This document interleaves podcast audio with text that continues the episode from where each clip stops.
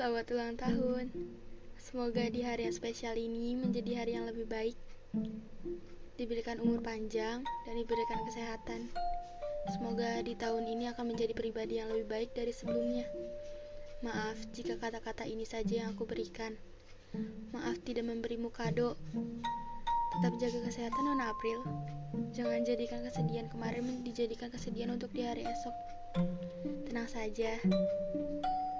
Sendiri dan dia tidak ada di sini. Tapi kini kamu jangan bertanya dia di mana. Karena kamu ingin dia tahu bahwa selama ini yang kamu rasakan adalah sendiri. Aneh memang.